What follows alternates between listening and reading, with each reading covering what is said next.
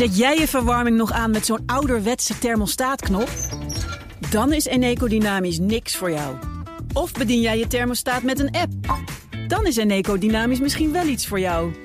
Doe de test op eneco.nl/slash test om te ontdekken of een dynamisch energiecontract bij jou past. Mensen helpen een bewuste keuze te maken. We doen het nu. Eneco. Op 22 november gaat Nederland weer naar de stembus. Om orde te scheppen in de chaos van debatten, relletjes en proefballonnen is het FD voor jou in de verkiezingsprogramma's gedoken. Om te kijken wat de verschillende partijen nou echt willen op het gebied van de woningmarkt, de economie, het klimaat, migratie en de overheid. Vandaag zoomen we in op alle kosten van de verkiezingsplannen en hoe al die ideeën gefinancierd moeten worden. Mijn naam is Elfanie Toulaar en dit is een kwestie van kiezen. Financieel niet houdbaar. We moeten uh, ons beseffen dat we natuurlijk uh, collectief dat wij een stukje armer zullen worden. Dat het de mensen die moeilijk kunnen rondkomen nog harder zal raken. Ik denk dat daar continu aandacht naar uit moet blijven gaan. En tegelijkertijd moeten we ook. We hoorden minister Kaag van Financiën. En uh, dit citaat is van vorige zomer. En, het kabinet was eigenlijk pas net een paar maanden aan de slag hadden een pakket neergelegd met enorme ambities. Investeren in onderwijs, in klimaat, het stikstoffonds. Het leek niet op te kunnen. Nou, toen brak natuurlijk de oorlog in Oekraïne uit. De energieprijzen gingen door het dak. De inflatie liep op. En dit is eigenlijk wel een van de momenten waarin zij onderstreepte: ja, de wereld is veranderd. En ja, met die wereld gaan we nu de verkiezingen in. Je hoort Martine Wolzak. Zij is politiek verslaggever van het FD, net als Cor de Hoorde. Met hen praat ik vandaag over de schatkist en het bedrijfsleven. Want het kan je haast niet ontgaan zijn, we staan er economisch totaal anders voor dan tijdens de vorige verkiezingen. Minder goed. Technisch gezien zitten we in een recessie. Maar als je om je heen kijkt op straat, dan zie je er helemaal niks van. En dat komt natuurlijk omdat we een extreem lage werkloosheid hebben nog altijd. Eh, overal staat collega's gezocht. Zo'n lage werkloosheid hebben we in, in decennia niet gehad. En daarmee eh, valt het dus ook wel mee voor, voor, het, eh, voor het normale gebruik. Dus je zou ook kunnen zeggen, misschien zitten we er gewoon nog in een hoogconjunctuur. Hmm, maar moeten we ons dan zorgen maken? Oei, dat is moeilijk. En het, het zorgen wel in zoverre dat er op de iets langere termijn zie je natuurlijk wel uh, een aantal kosten op je afkomen die wel behoorlijk aantikken. Nou, die vergrijzing blijft maar doorgaan. Dat is een trein die, die niet te stoppen is.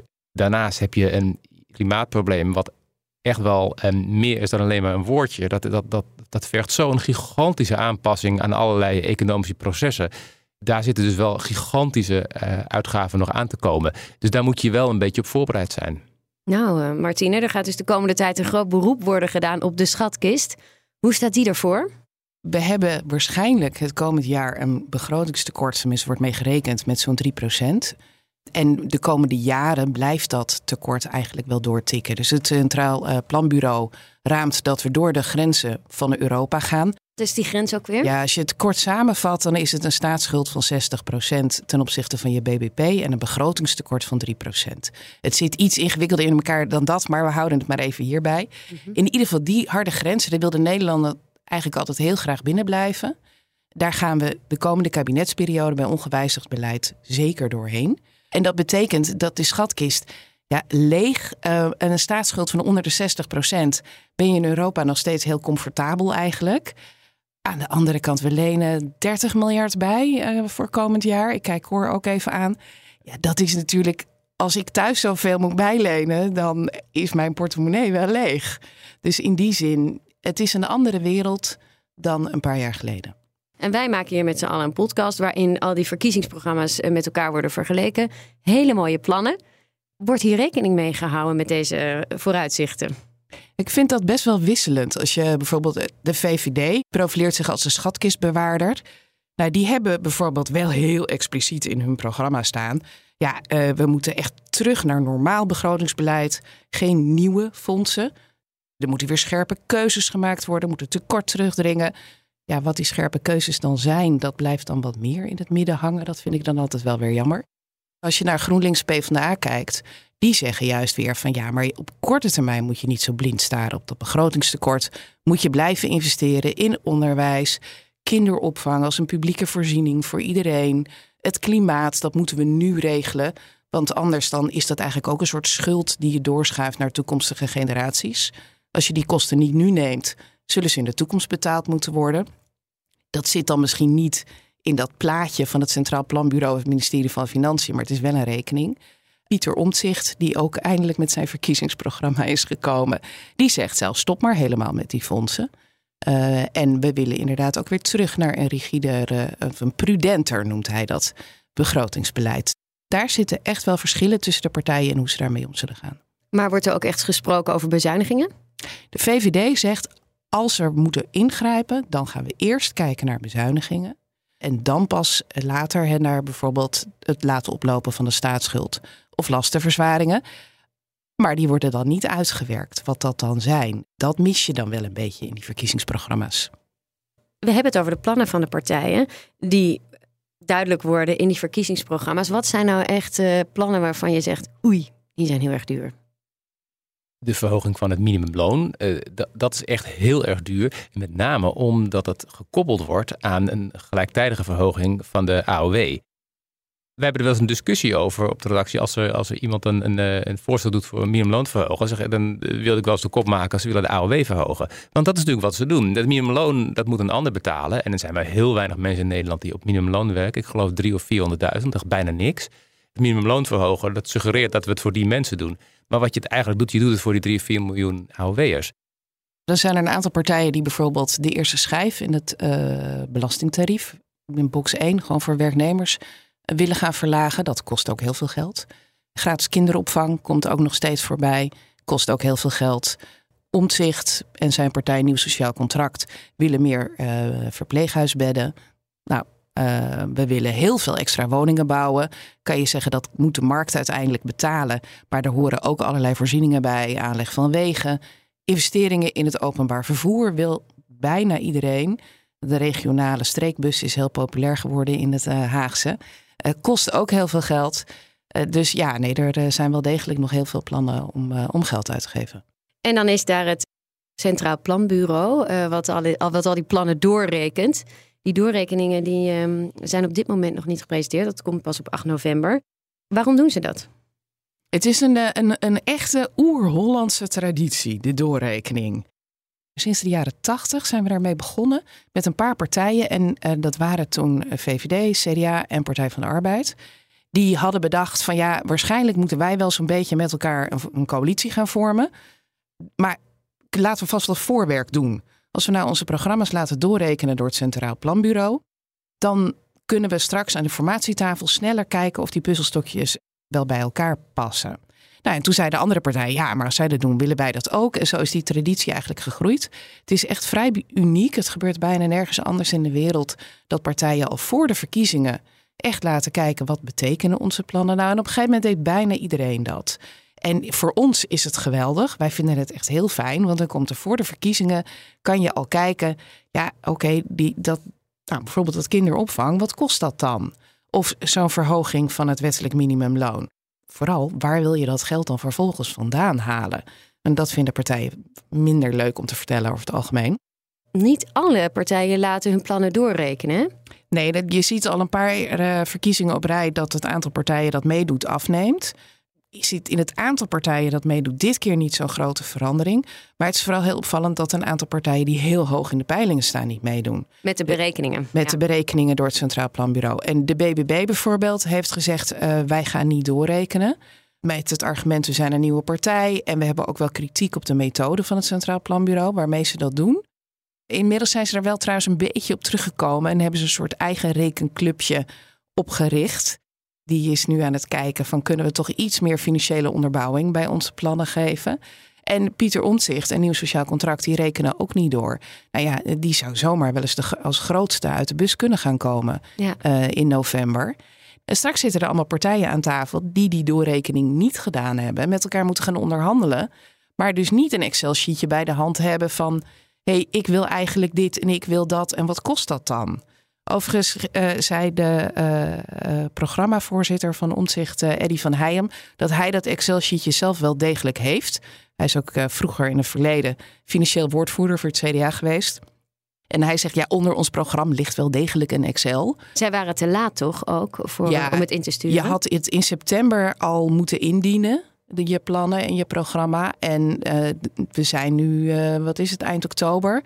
Op dit moment krijgen de partijen zo langzamerhand de uitkomsten van de berekeningen terug.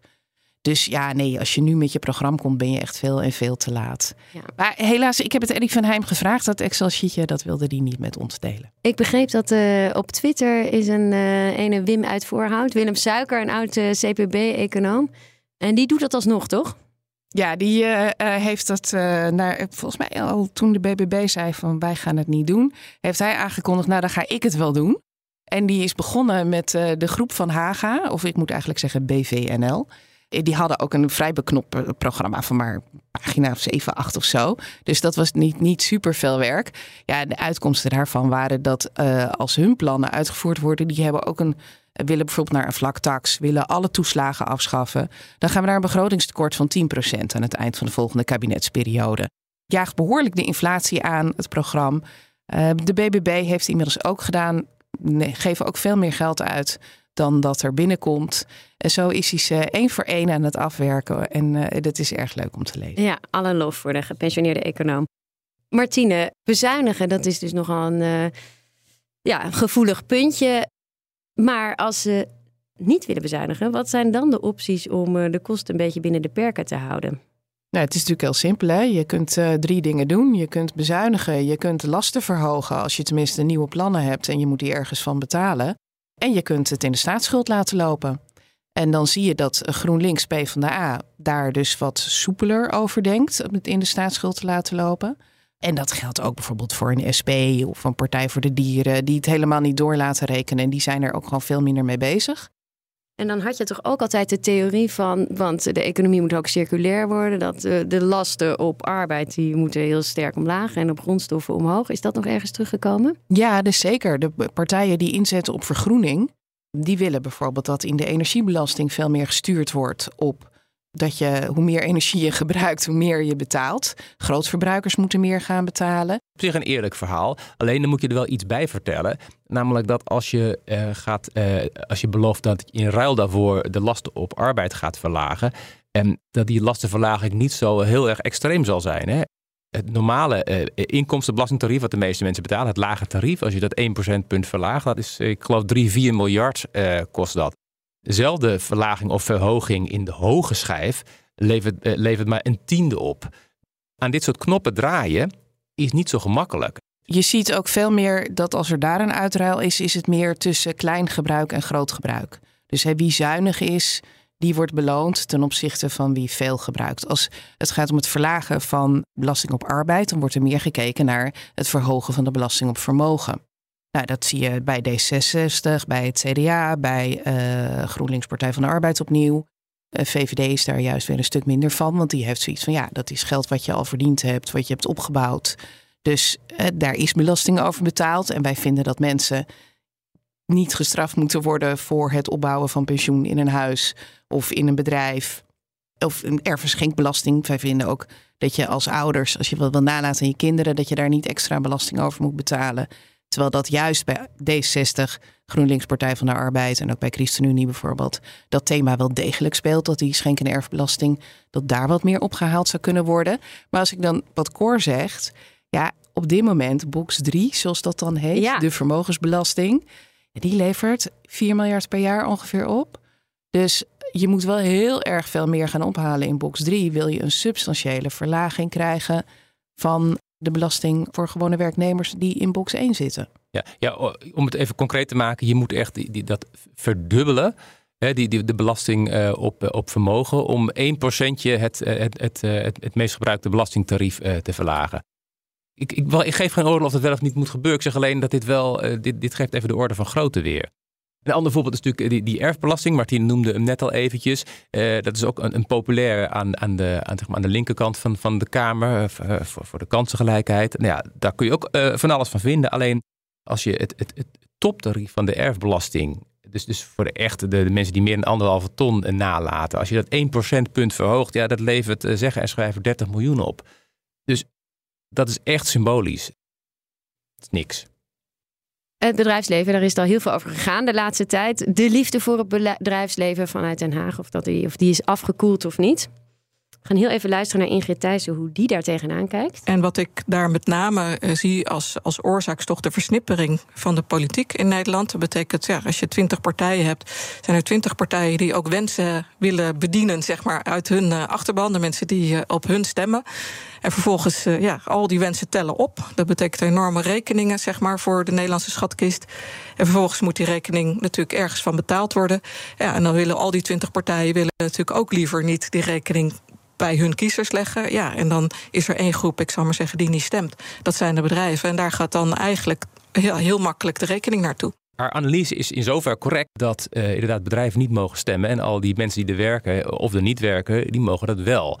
Eh, dus, dus dat betreft een geliefde bron op dit moment om geld te halen. En er is inderdaad wel wat, wat, wat veranderd. Hè. Ik, ik, ben ook geen twintig meer. Ik herinner me nog in, in de jaren eh, 90 en 00 toen was er zo trots eh, te horen in de, in de Tweede Kamer op die schitterende bedrijven die we hadden. En die werden ook meegenomen op handelsmissies naar, naar China en zo. En dan gingen dan Philips en, en, en Axo en, en Unilever, Shell. Ach, wat waren we er trots we hadden ook voor een relatief klein land hadden we best veel heel erg grote bedrijven. Een CEO van een, van een bedrijf was een soort ster. Ja, die waren ook zo. De bankpresidenten, dat waren belangrijke eh, mannen en uh, bekende namen. Ja, dat is een andere tijd. Leuk dat je het woord banken noemt. Want ik, eh, ja, hier moet nog eens een goed, goed boek over geschreven worden. Maar ik vermoed dat, dat daar een beetje het afbrokkelen is begonnen in 2007, 2008 met, met de financiële crisis dat, dat, die, dat die grote uh, popsterren van uh, onder meer de banken, die bleken gewoon radicaal falikant verkeerde keuzes te hebben gemaakt. En die liefde is toen gaan bekoelen. wat ik me nog kan herinneren, toen had je die parlementaire enquête over de kredietcrisis. En toen vertelde de toenmalige baas van de Nederlandse Vereniging van Banken die vertelde eh, hoe, gemakkelijk ze in de jaren negentig konden lobbyen. Dat ze gewoon een kant-en-klaar amendement konden inleveren. Dat werd er gewoon één op één voorgedragen in de Tweede Kamer en ook aangenomen ook. Dus je moet je wel afvragen of je naar die tijd terug wilt. Thijssen zegt, je mag niet stemmen als bedrijfsleven, maar die lobby is het toch nog wel? Mm, ja, die lobby is er wel, maar er wordt zoveel minder naar geluisterd. Het is, is het, helemaal naar de andere kant doorgeslagen? Echt, die pendule is nu echt doorgeslagen. Naar de andere kant, eh, nogmaals, die, die, die kant uit de jaren negentig, je, moet je afvragen of je daarna terug, terug moet willen hoor. Ik, ik heb het net het voorbeeld genoemd van uh, kant-en-klaar amendementen. Maar het is nu zo eh, dat als het over bedrijven gaat, dat het al heel snel gaat over, uh, over MKB'ers. Uh, want dat zijn de, de nieuwe helden. En dat, dat zijn zeg maar de, bankdirecteur de van nu. Met hun familiebedrijf en dergelijke. Eh, zoveel mensen aan het werk helpen. En ook de sportvereniging sponsoren. Ja, als je VVD-verkiezingsprogramma bijvoorbeeld, het woord multinational komt er niet in voor. Het woord MKB wel degelijk. Punten die je in meerdere programma's tegenkomt bij VVD bijvoorbeeld en bij Pieter Omtzigt. Dat is uh, die coronaschulden. Er staat nog een flink aantal miljarden uit uh, bij de Belastingdienst van uitgestelde belastingsschuld. Die mogen ondernemers stapsgewijs uh, terugbetalen. Een aantal lukt dat absoluut niet. Nou, de VVD en Pieter Omtzigt vinden dat daar nog meer coulance betracht moet worden. Ja, dat zijn met name MKB'ers. En hoe zit het dan met het vestigingsklimaat hier in Nederland? Grote bedrijven, een aantal zijn vertrokken. Maar is dat een zorg die in de, of, of, of sowieso een kwestie die in de verkiezingsprogramma's wordt behandeld? Ik zie hem niet. Ik hoorde laatst wel uh, Rob Jetten van D66 een paar keer over beginnen dat we ook over, over, over het bedrijfsleven, uh, dat we het niet helemaal moeten, uh, moeten vergeten. En dat zijn grote verschil is met, met de andere linkse partijen. En dat hij dat als enige zou roepen. Maar verder hoor ik er heel, heel weinig over. Nieuw sociaal contract die stoppen dus met het klimaat- en het stikstoffonds, als het aan hen ligt. Dat is best wel veel geld bij elkaar, ongeveer 60 miljard. Dat geld, dat vergeten veel mensen, dat gaat voor een heel groot gedeelte naar het bedrijfsleven. In, is bedoeld nou, om boeren uit te kopen, om de transitie naar een manier van bedrijfsvoering met minder CO2 of minder stikstofuitstoot te helpen betalen. En hij zegt er dan bij van ja, we gaan kijken of normeren en beprijzen niet beter werkt. Nou, het antwoord daarop is ja, dat werkt beter. In die zin dat het een hele efficiënte manier vinden bijna alle economen om te zorgen dat je stikstof en de CO2-uitstoot terugdringt. Maar is het goed voor het bedrijfsleven? Nou, ik denk dat je daar nog wel een discussie over kan voeren. Daar staat hij overigens nog wel open voor, want er komt wel meteen een zinnetje achteraan dat het op zo'n manier gedaan moet worden dat bedrijven Nederland niet verlaten. Ehm, dus er is wel oog voor het belang van het bedrijfsleven. Ook in zijn programma trouwens staat er vooral heel veel nadruk op het MKB. Ehm, hij heeft heel veel kritiek op de expatregeling. De 30% uh, belastingvoordeel voor werknemers van uh, vaak grote bedrijven. Die uit het buitenland komen om hier te werken. Hij vindt dat er daardoor veel te veel migranten naar Nederland komen. Um, maar er staat bijvoorbeeld dan weer tegenover dat de innovatiebox, een hele populaire uh, uh, regeling in het bedrijfsleven om wat minder belasting te betalen, die wil hij wel behouden. Dus het, het is een, uh, een gemengd beeld. Als ik jullie zo hoor praten, dan zijn heel veel ideeën. Nou, sommige zijn doorgerekend, andere niet. Um, hoe gaat dat dan straks in de formatie? Worden dan de echt harde noten gekraakt en worden alle mensen die hebben gestemd dan diep teleurgesteld?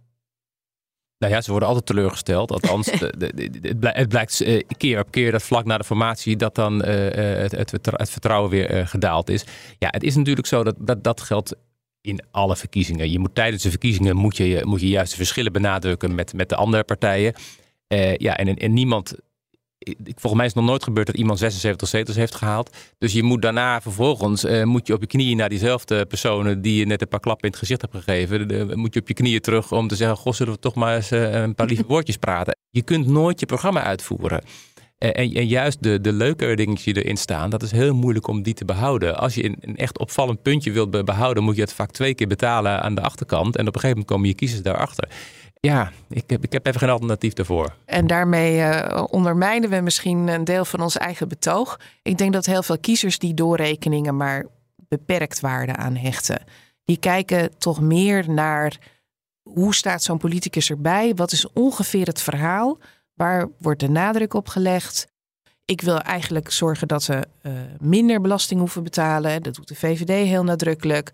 Of uh, Omtzigt, die zegt wat meer van, nou jongens, echt minder betalen, dat zit er voorlopig niet in.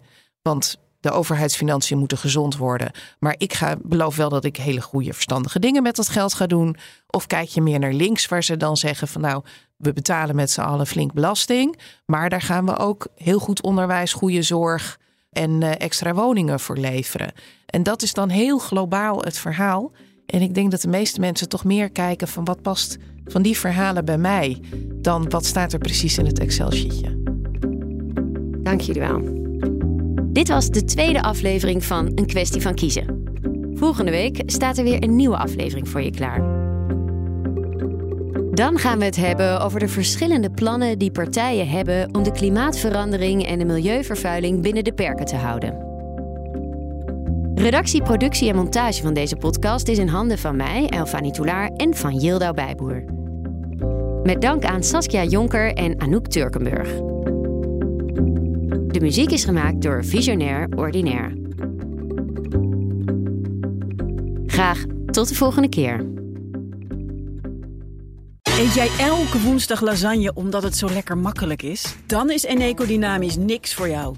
Maar kook jij het liefst elke keer wat anders met het risico dat ze zeggen... Ja dag, dat gaan we echt niet eten. Dan is Eneco Dynamisch misschien wel iets voor jou. Doe de test op eneco.nl slash test om te ontdekken of een dynamisch energiecontract bij jou past. Mensen helpen een bewuste keuze te maken. We doen het nu. Eneco.